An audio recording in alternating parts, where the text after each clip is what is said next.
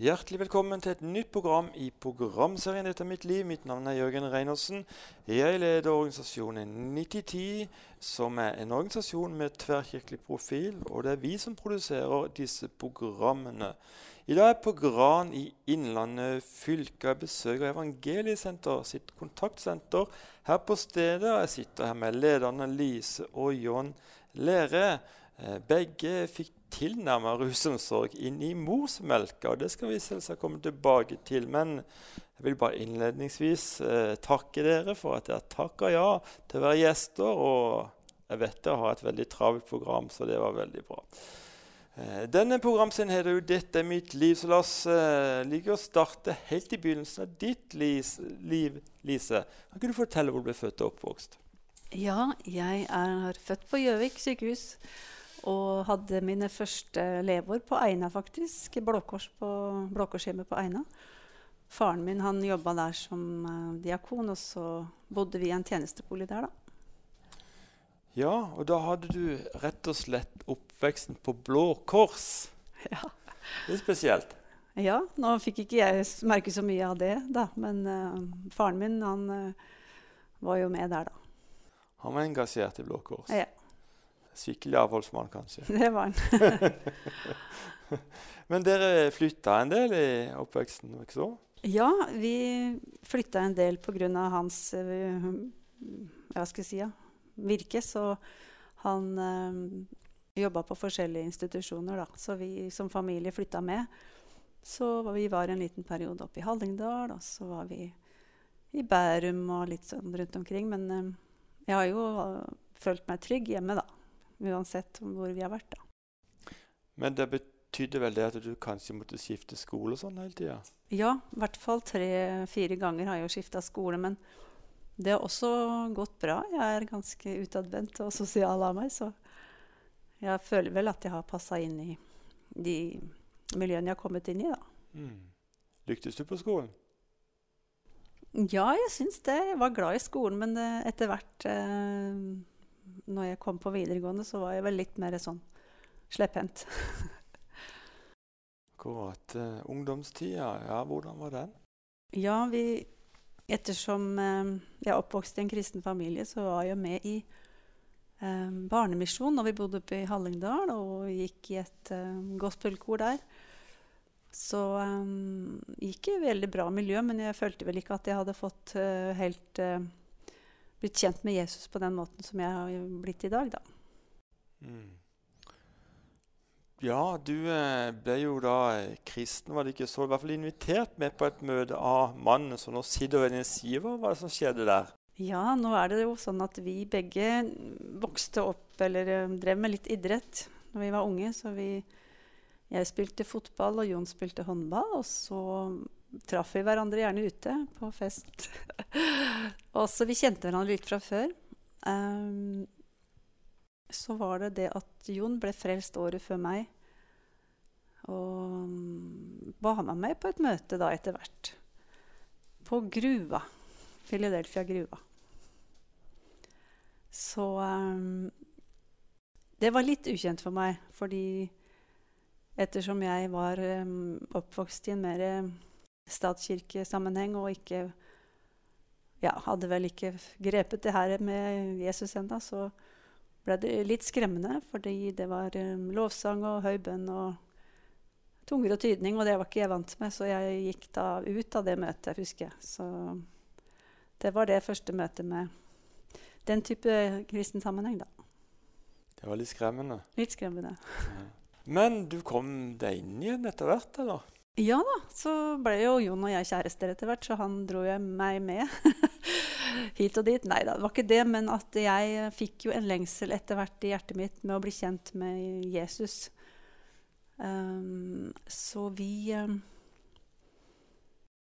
Vi var jo på et møte her i Gran, faktisk, ikke langt herifra. Uh, og jeg kjente veldig kallet på det å komme tilbake, eller bli, ta, gi mitt liv over til Jesus, da. Og det husker jeg at jeg fikk på det møtet. Bare gråt og gråt, og, jeg, kjente at Gud rørte ved meg, da. Så um, det var vel gjennombruddet mitt i um, 90, sommeren 90. Mm. Mm. Og tida etterpå, åssen har den vært? Det har bare gått uh, oppover, det. Mm. En reise sammen med Jesus. Du uh, var også på bibelskole. Ja, vi reiste til um, Livets Ord i, i Uppsala. I um, det året vi fikk vår første datter. Så um, det var da egentlig jeg ble kjent i Guds ord, da. For det var en Det var jo bibelundervisning, så jeg fikk det grunnleggende da. Der. Mm. Og nå er du utdannet hjelpepleier. Ja. Tok du det etter bibelskolen, da? Mm. Tok det gjennom sånn um, voksenopplæring her i Gran, da. Nå har jo dere mye engasjement i flere steder. og sånn. Er du fortsatt hjelpepleier, eller? Jeg er fortsatt hjelpepleier, ja. men jeg har um, flere roller der um, jeg jobber nå, på Fjortun evangeliesenter. Mm. Det må du fortelle litt om. Hvor ligger det henne?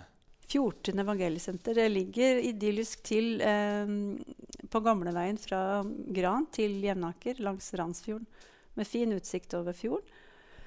Så der eh, har jeg, begynte jeg å jobbe for tre og et halvt år siden sammen med Jon da, som sjef. Stemmer det at det var et kvinnesenter med noe for menn? Eller? Mm. Ja. Mm.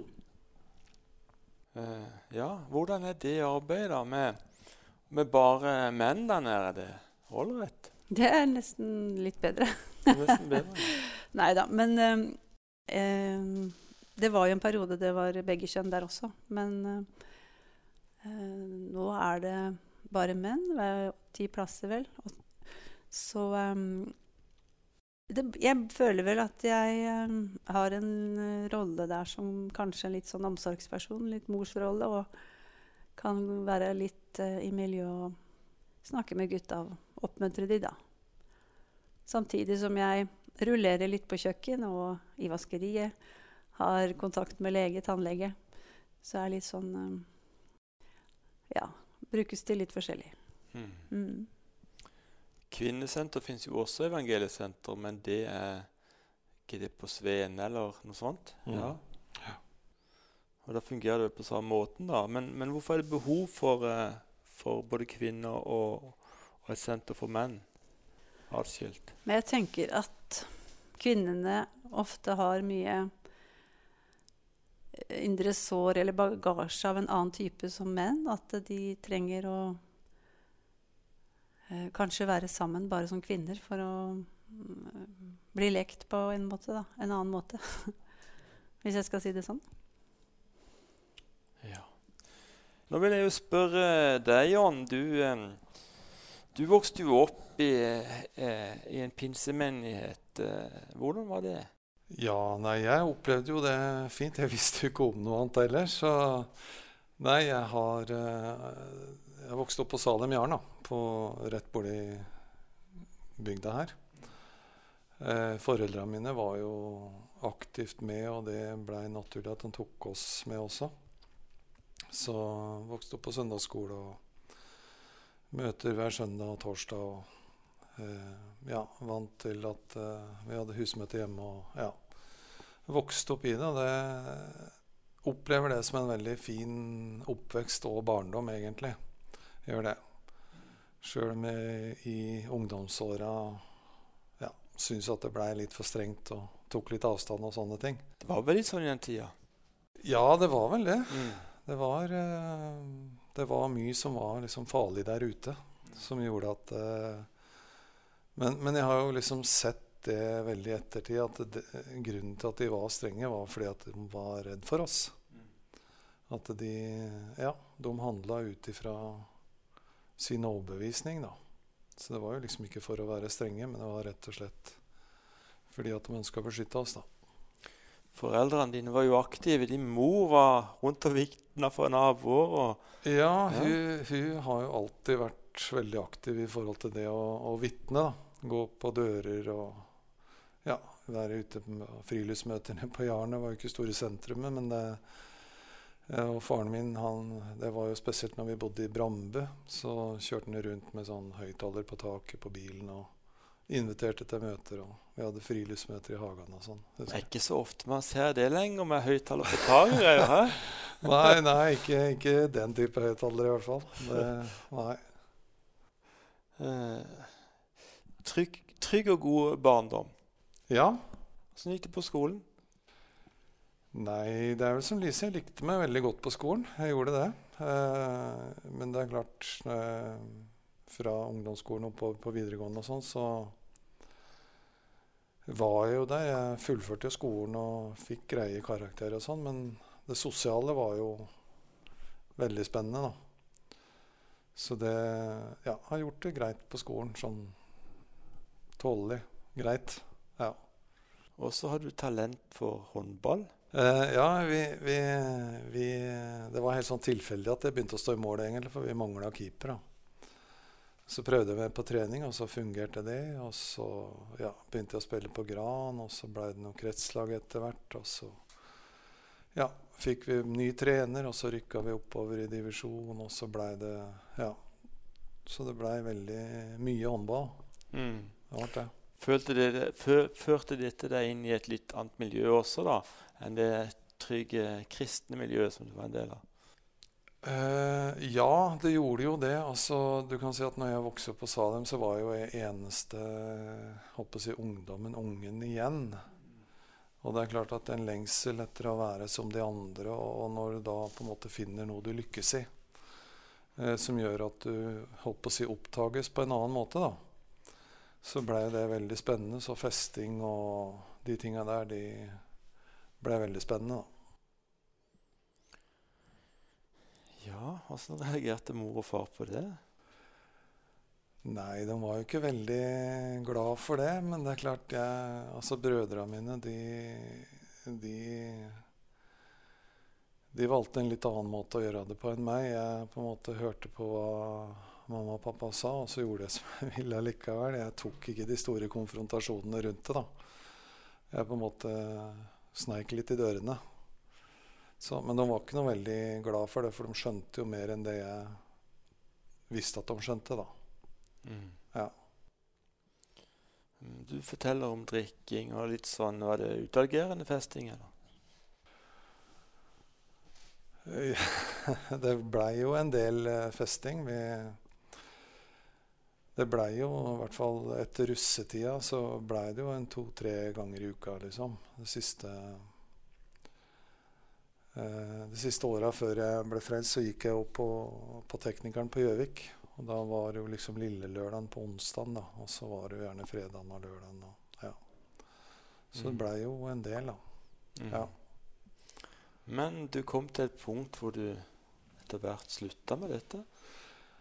Jeg hadde jo en lengsel tilbake til Gud. Det var jo liksom eh, fra russetida ut eh, til 89, da, hvor jeg kom tilbake til Gud, så, så var det liksom noe som skjedde i barndommen som ble veldig sånn Jeg ble veldig påminnet av det. Det var en, en forkynner som hadde vært på Salem da jeg var liten gutt.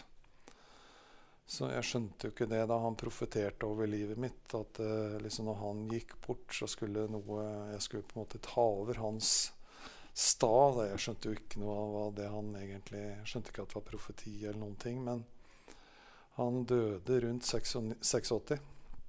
Og etter det så begynte, begynte liksom det å lengte tilbake til Gud. da. Så jeg sloss mot det fram til november 89. Eh, da klarte jeg ikke å stå imot lenger, og da da mista liksom festinga og det, det type miljø det mista liksom interessen. da. Det var ikke noe interessant lenger på den måten. Folka var jeg jo like glad i, på en måte, men eh, festinga var ikke interessant lenger. Fortsatte du med håndball? Nei, Bare ut den sesongen. Eh, fordi jeg hadde mer lyst til å bruke tida på ja, på møter og Hvor gammel var du når du fikk den eh, profetien, da? Altså, jeg hadde akkurat begynt å, le eh, begynt å lære Jeg hadde akkurat lært å lese og skrive, så jeg åtte-ni år. Ja. Men du husker det? ja, jeg husker det veldig godt. For det var liksom Jeg merka at det var noe spesielt ved det, men jeg skjønte jo ikke helt hva det var. Så det som var litt sånn eh, Den kvelden som jeg valgte da å dra på møte. For jeg trodde jeg måtte på møte for å bli frelst. da. Eh, så var det ei eldre dame som hadde vært på det møtet hvor jeg var liten gutt. da. Så, og det var det første hun sa til meg etter det møtet. at Husker du hva Bjarne Berg het han forkynneren da? Eh, profeterte eller sa eller sa til deg som guttunge. Det var liksom det som hadde ridd meg som en mare de to-tre siste åra. Så det var veldig sånn spesielt at det var det første hun sa til meg etter møtet. liksom. Mm. Ja. Hva skjedde så? Nei, hva skjedde så? Det første jeg begynte å tenke på, var jo å få med Lise på møtet. Så det gikk jo da til sommeren etter. Så Eller vi, vi, var jo med på et møte på Grua, men på sommeren etter så kom jeg jo på med på det møtet på Gran her. Og så ble hun frelst, og så forlover vi oss ganske fort. Og så gifta vi oss rett etterpå. eh, og så flytta vi til Grua. Eh, reiste på bibelskolen, og når vi kom hjem derfra, så ja, blei vi engasjert på Philadelphia Grua som litt sånn ungdomsarbeidere. da. Så vi var med i det en periode. Eh, så har vi vært ja, så har det gått litt sånn slag i slag med Vi starta jo en rehabiliteringsskål ut fra P22. I, jeg begynte der i 95. Eh, starta der i, eh, på Lunde da, i 97 ut fra P22, som er en sånn tverrkirkelig institusjon som driver med rehabilitering av rusmisbrukere, eller avrusning. da. Ligger i selve Oslo? Selve Oslo, ja. Det lå i Osterhaugs gate da. Nå har det jo flytta nå, da.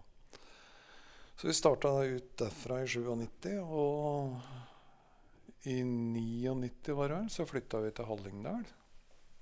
For å prøve å hjelpe en menighet i gang med et uh, sånn type rekreasjonssenter oppe i Ål. Og så var vi der et års tid og flytta ned igjen. Så det har gått liksom i rusomsorg og menighet. Det har liksom det det har dreid seg om da, egentlig. Hele veien. Hvor lenge har du vært på fulltid? Ja, altså det, det begynte jo i 95, egentlig. Eh, og så har jeg hatt noe avbrekk. Jeg hadde et lite avbrekk i Når var det, ja? 2000 og, 2003. Eh, hvor eh, Ja. Hvor jeg hadde noen drosjeløyver og hadde noen ansatte. Og jeg trengte rett og slett et avbrekk. da. Eh, så jeg drev med det i tre og et halvt år. Du trengte et avbrekk, sier du. Var det for store arbeidsbyrder, eller?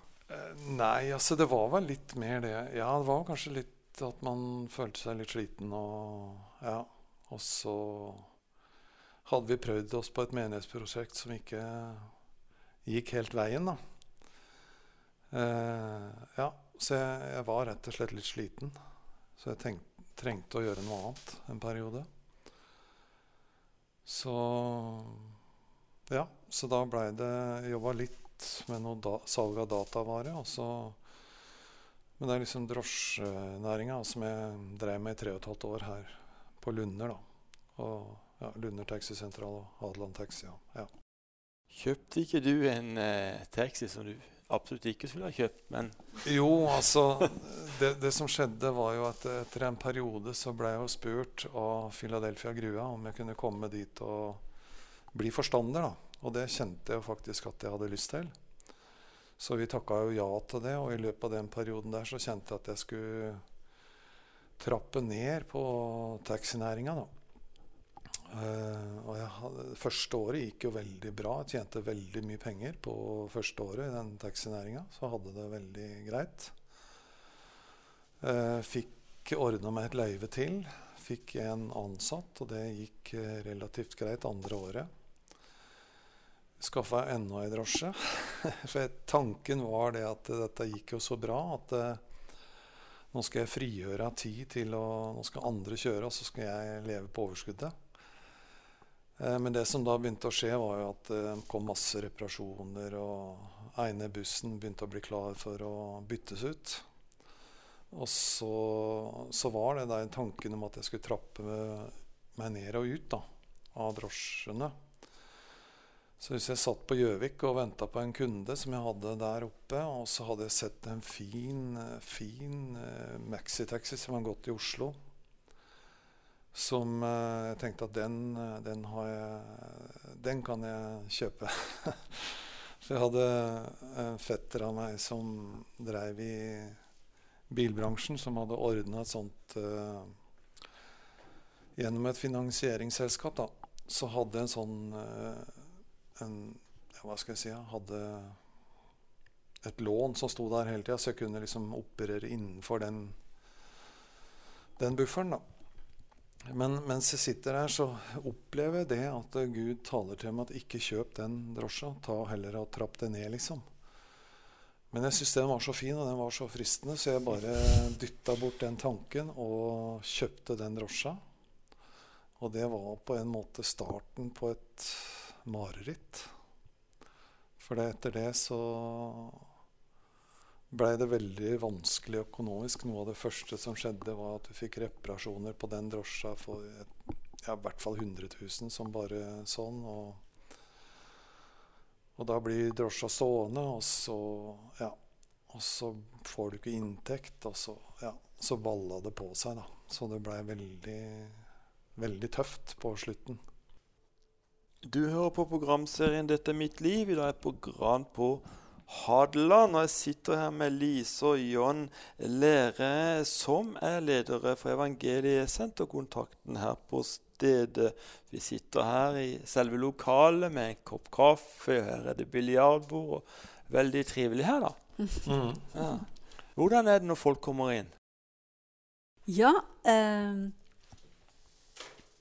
Nå er det sånn at eh, jeg jobber 80% på Fjordtun evangeliesenter sammen med mannen min Jon. Og så er jeg her på onsdager og driver denne kafeen. Um, I disse tider som vi er i nå, så har vi åpent uh, et par timer um, og deler ut mat. Men de får lov å komme inn her og så um, ta en kopp kaffe og, og prate litt.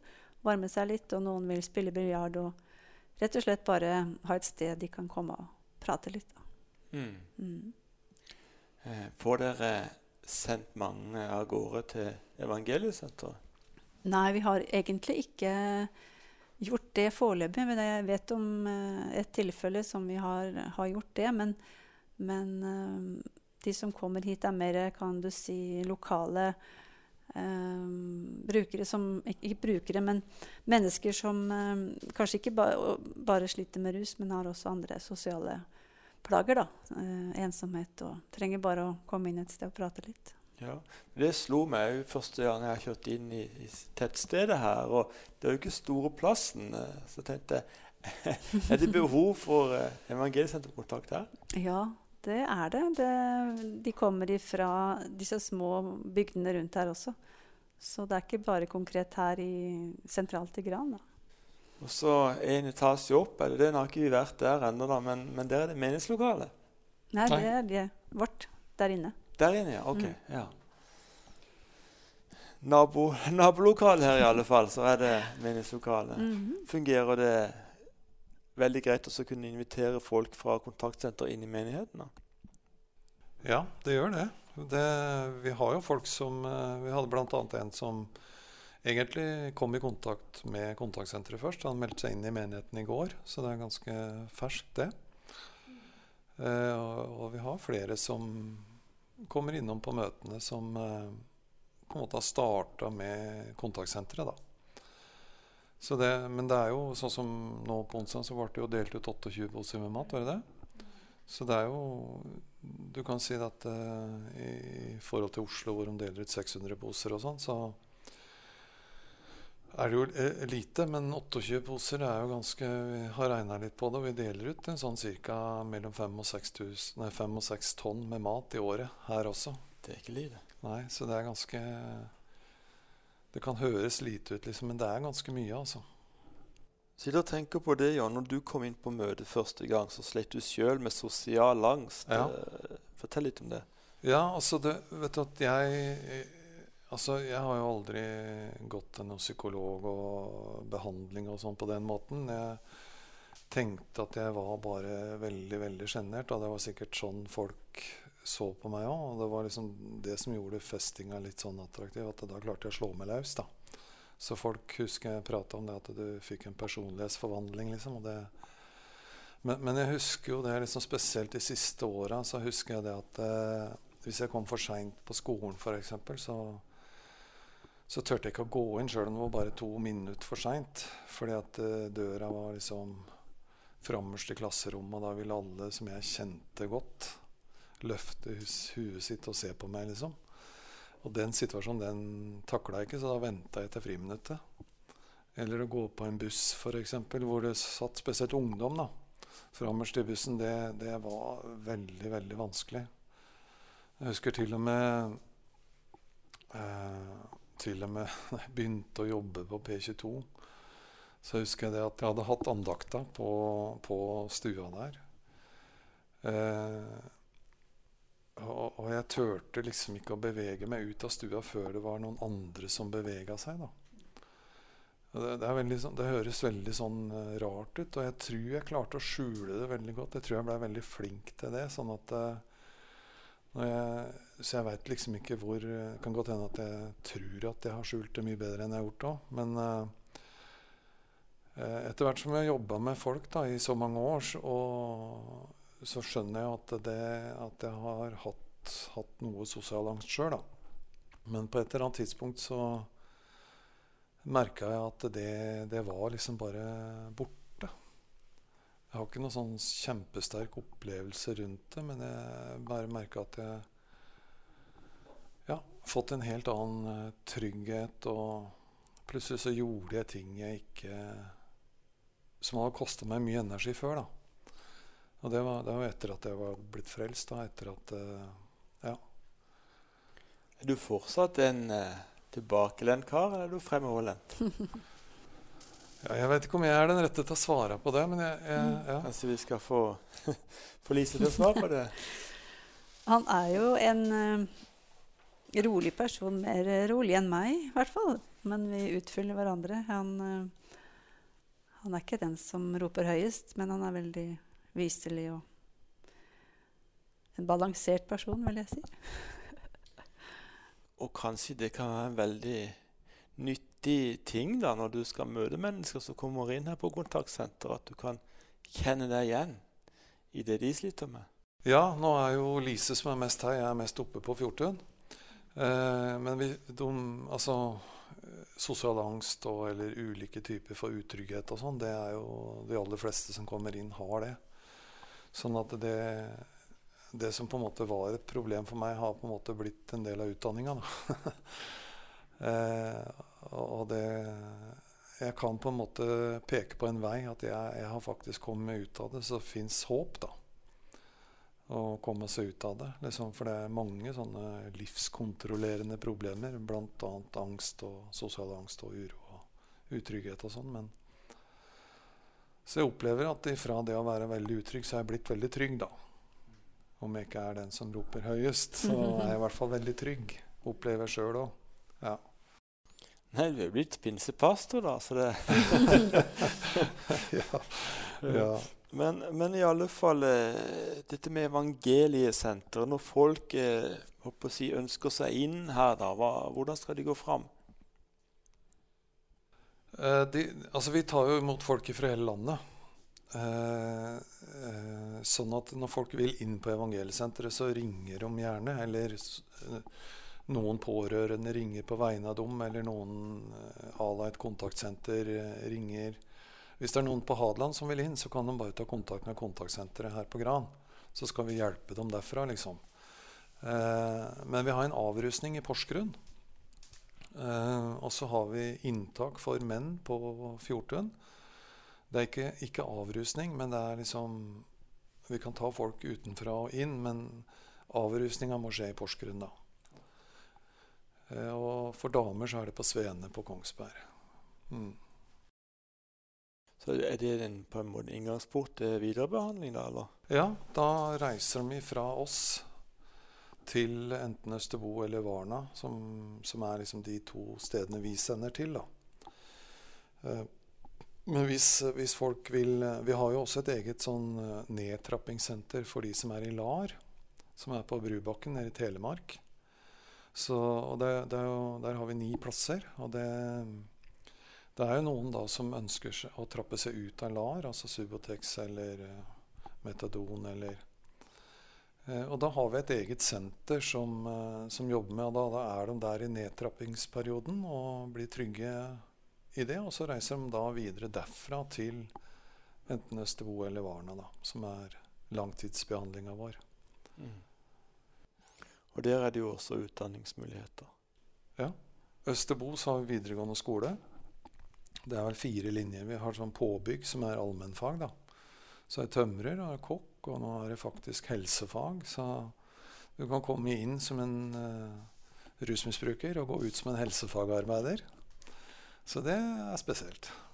Jeg har jo også hørt det at uh, karaktersnittet er veldig høyt der. Ja, av de som gjennomfører og fullfører, så er det Men det er klart at det er ikke det å stikke under en stol at det er når du kommer De aller fleste som kommer inn, har jo på en måte hatt problematisk skolegang og sånne ting. Så det er jo en jobb som må gjøres. Det kommer jo ikke gratis. Du må jo jobbe for det. Men, eh, men samtidig så er skolen veldig tilrettelagt for at det skal være enklere, da. Så det ligger veldig høyt i snitt i karakter, ja. Det gjør det. Er det kun for folk som har vært på evangeliesenteret, den videregående skolen, eller er det også for andre? Nei, den er åpen for folk som bor ute også. Men du må jo være rusfri, da. Mm. Du kan ikke gå på skolen, og, for den ligger inne på et behandlingsområde. Eh, så det er folk som bor ute, som går på skolen der også. Ja. Så bra. Så har det jo bibelskole, da, som er toårig. Ja, den er på Varna. Så det er også samme opplegget der, da at uh, de aller fleste som går der, bor jo på Varna. Men den er også åpen for folk som bor ute, som vil uh, gå på bibelskole. Mm. Så det er en veldig bra skole, det òg. Lise, jeg vil spørre deg, har du noen ord til de av lytterne som akkurat nå har en utfordrende livssituasjon? Tja um, Jeg kan jo referere til uh, favorittverset mitt om at gleden i Herre er, Herren er vår styrke. Så jeg tenker at hvis det er noen lyttere som eh, sliter akkurat nå, så er ikke Herren langt borte. Han vet om alle ting og ser hjertene. Og et sukk ifra deg, det er uh, Det er um, bare det som skal til for at Herren vil møte ditt behov. Og bekymring og sånne ting, det kan man også kaste på Herren. Det har jo også vi erfart sjøl, at uh, når vi satt fast i, i um, ganske mye gjeld, så, så, er det Herren som har hjulpet oss ut av det. Og um, Herren er veien, sannheten og livet, så det er, um, det er lurt å satse på Herren. Du Jon, har du en personlig hilsen til lytteren? Ja, det går jo egentlig litt, uh, litt på det samme, det. Og det, det som det, det, som jeg i hvert fall ønsker å løfte fram, da, er jo eh, altså Et av mine favorittsteder er jo Romerne 4 hvor, eh, hvor, Paulus skriver det Han skriver om en som heter Abraham, da, som egentlig han var barnløs. Og der står det om at da alt håp var ute, så trodde han med håp. Og, og det er liksom det er, altså Jeg husker som nyfrelst så ble jeg utfordra av fetteren min, som ble frelst uka før meg, å sette på et digert klistremerke bakpå bilen. Og jeg var veldig ubekvem med det, men jeg turte ikke å si nei, for jeg skulle jo liksom ikke være noe Og der sto det 'Gud er håpets Gud'. Men den setningen har egentlig forfulgt meg eh, etterpå. Og det, det, er noe av det som jeg eh, ønsker å hvert fall være med og, og, kanskje bringe som en liten hilsen. At uansett hvor mørkt det ser ut, så fins det håp. Og for Gud, han er håpets Gud. Om man ikke klarer å liksom tro, eller eh, liksom på en måte Så, så fins det et håp der om at Gud kan gripe inn, sjøl om man sjøl kan oppleve at alt håp er ute så fins det en som er større enn eh, en det vi klarer å, å, gripe fatt i, da, på en måte. Um, og sånn var det som det hun som jeg innleda med, eller prata om i stad, den der økonomiske situasjonen vår. Det var jo det var jo en kveld det var helt mørkt. Vi hadde jo ikke penger i det hele tatt. Og jeg hadde en skuff full av uh, regninger som jeg, jeg orka ikke. Og jeg bare putta det var, det var, mørkt, altså. Rett og slett mørkt. Så er det en eh, kamerat av meg som uh, ikke uh, Han var ikke i den situasjonen at at han skulle på en måte være noe bank, for å si det sånn. Var noe, det var ikke noe Så han ringte meg en kveld jeg skulle ut og kjøre, og så sier han det at Jon jeg blei så minna om deg akkurat nå. Jeg, jeg, har fått beskjed om at jeg, fra Herren, da, fra Gud, at jeg må ringe deg. Og jeg må ringe deg nå, liksom. Så sier han trenger du penger. Og jeg kjente jo hans situasjon og tenkte at det Ja, ja, vi trenger jo alltids litt penger, liksom. Og han er veldig sånn direkte. Han sier 'slutt å tulle, trenger du penger?' Så sa jeg ja, jeg trenger penger. Så kommer han med det at han hadde jo fått noe penger, da. Eh, og han hadde fått en innskytelse fra, fra, Gud om at eh, vi trengte de penga. Eh, og, og, at han skulle liksom la oss disponere dem. Vi skulle ikke få dem, men vi skulle få lov til å disponere dem. Og, og han sier summen, og, og det var Jeg vet ikke hvorfor akkurat det var det, men 103 500 eller noe sånt. Og så åpner jeg skuffen og går gjennom regningene, og så det skiller bare noen få hundrelapper på den summen. da.